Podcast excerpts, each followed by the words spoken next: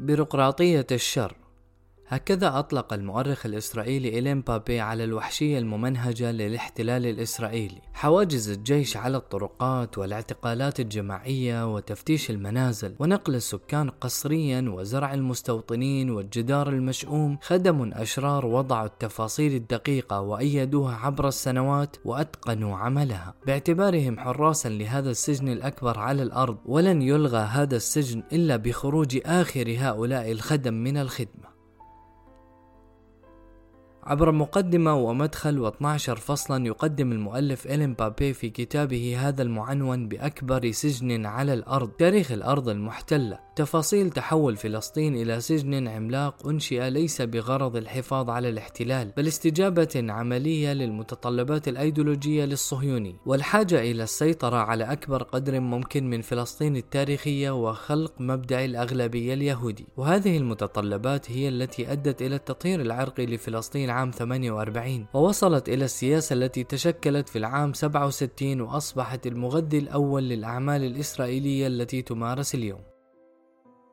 الفصل الأول من الكتاب يعرض خلفية سياسات العام 1967 وكونها تكملة للاستراتيجيات التي اعتمدتها الصهيونية منذ عام 1882 وخاصة في عام 48 وفي القلب من ذلك الفصل. مسح للفترة ما بين العام 1948 إلى العام 1967 والسياسات التي اتبعت بعد ذلك باعتبارها مراحل في مشروع استعماري مستمر يهدف إلى تهويد فلسطين ونزع عروبتها. في العام عام 67 يؤكد المؤلف أنه لم تكن هناك تهديدات جوهرية لإسرائيل ولم تكن مناورات جمال عبد الناصر تختلف من حيث نوعها ونطاقها عن تصرفاته السابقة. والجبهة السورية كان يمكن لإسرائيل تهدئتها ببضعة تصرفات غير عدوانية لكن إسرائيل شنت حرب 5 يونيو حزيران 67 استمرارا للتطهير العرقي وابتلاع فلسطين كامل. يروي إيلين بابي في الفصل الثاني كيف أنه بعد ثلاثة أيام من القتال أحكمت إسرائيل سيطرتها على فلسطين التاريخية ووضعت في قبضتها مليون فلسطيني بالضفة الغربية وحوالي نصف مليون في قطاع غزة كلهم تحولوا في نظر الصهيونية إلى لاجئين على أرضهم.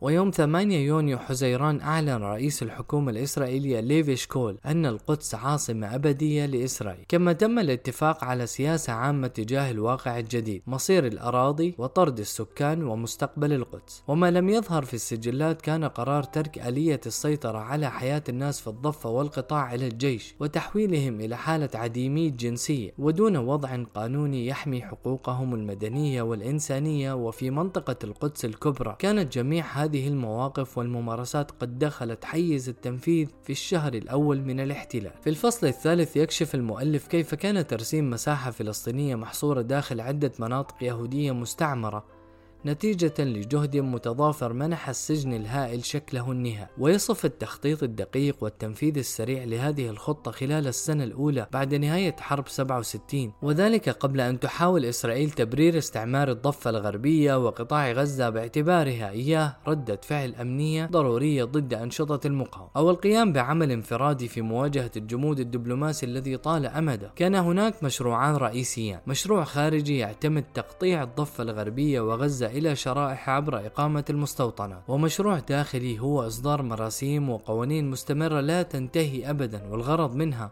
هو مصادرة الأراضي الفلسطينية لاستعمارها مستقبلا والحد من النمو الطبيعي والعضوي للمجتمعات الفلسطينية عبر منع البناء والتوسع الجديدين إلى ما بعد القدس الكبرى. وكذلك الحاجة إلى رسم عمليات الاستيلاء الجديدة بطريقة ترضي شهية إسرائيل وتهدئ مخاوفها هو جوهر الفصل الرابع. تقدم يقال آلون وموشي ديان بهذا النهج. فقد كان آلون يقود وحدات النخبة الصهيونية ومسؤولا فعلا عن التطهير العرقي بالقرى والبلدات الفلسطينية عام 48 وقدمت له نتائج حرب يونيو حزيران فرصة لاستعادة أمجاده القديمة وكان مشروعه يقوم على تهجير فلسطيني الضفة إلى الأردن.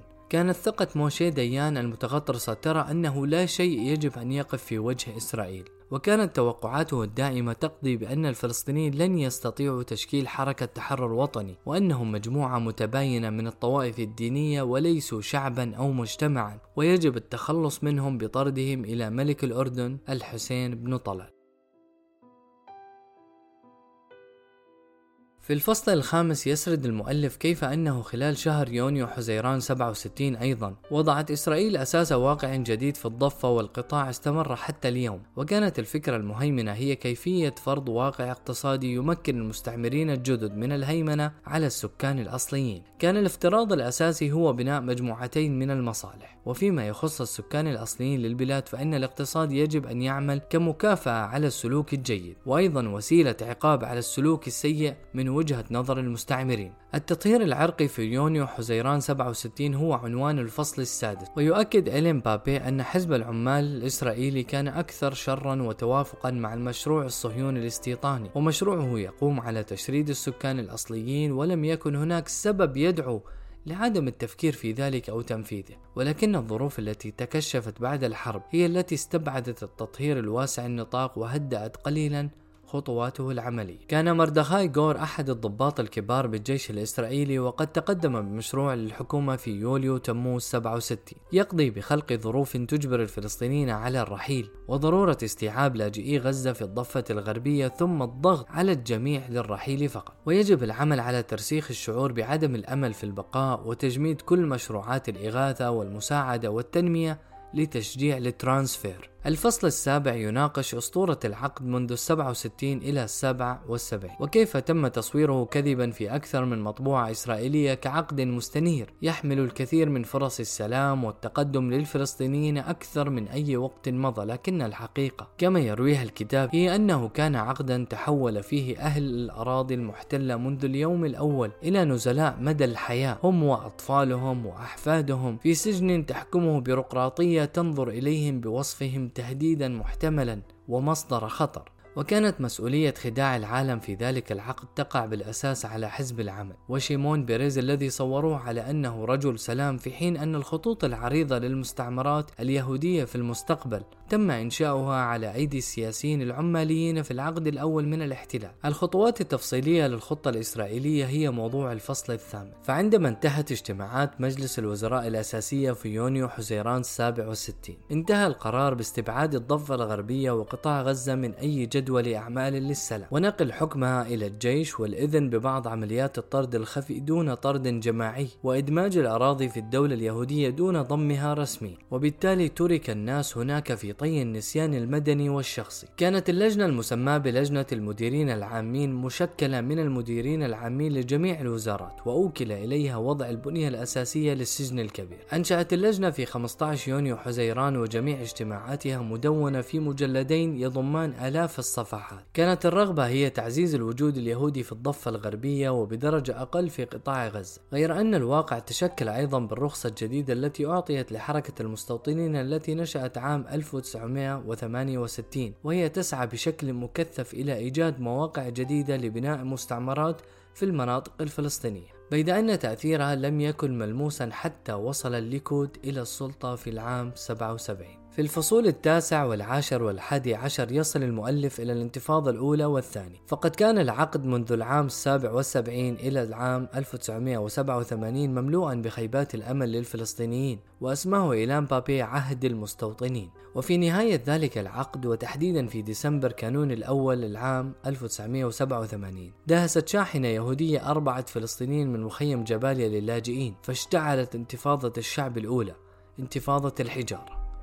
استجاب الفلسطينيون للانتفاضة بصورة لم تحدث منذ ثلاثينيات القرن العشرين وأصبحت صورة الطفل النحيل يواجه دبابة عملاقة بحجر في يده أيقونة لفلسطين في أعين العالم. استمرت الانتفاضة الأولى ست سنوات وقتل فيها ألف فلسطيني واعتقل 120 ألفا. كثيرا منهم دون سن السادسة عشرة ثم وقع الفلسطينيون في خدعة اتفاق أوسلو الذي امتلأ بالأساطير. ولم ينتج عنه سوى زيادة السيطرة الإسرائيلية ووحشية المستوطنين واتهمت إسرائيل والولايات المتحدة عرفات بأنه يقف خلف اندلاع الانتفاضة الثانية انتفاضة الأقصى للحصول على مكاسب سياسية. في النهاية نتج عن الانتفاضة الأولى نموذج آخر للسجن المفتوح وبعد الإطاحة بالانتفاضة الثانية ظهر نموذج جديد لسجن شديد الحراسة عام 2000 واستمر هذا النموذج عدة سنوات ثم تحول إلى نموذج مختلط من كل ما سبقه في عام 2005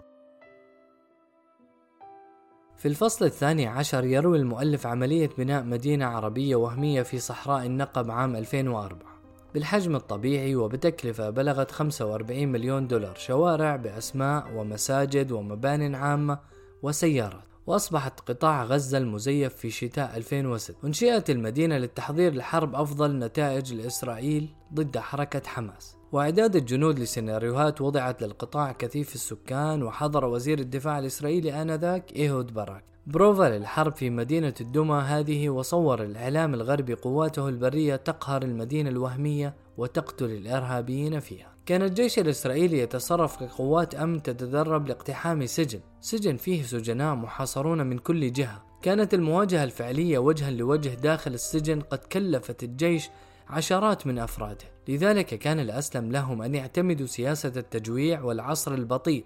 يتقدم عمر السجن الأعظم في التاريخ فلسطين المحتلة. ولا يزال الجيل الثالث من السجناء ينتظرون من العالم أن يعترف بمعاناتهم ويدرك ما هم فيه من اضطهاد مستمر. وأن الحصانة التي تلقتها إسرائيل على مدى نصف قرن تشجع الآخرين من أنظمة ومعارضين على حد سواء. على الاعتقاد بأن حقوق الإنسان والحقوق المدنية في الشرق الأوسط لا قيمة لها.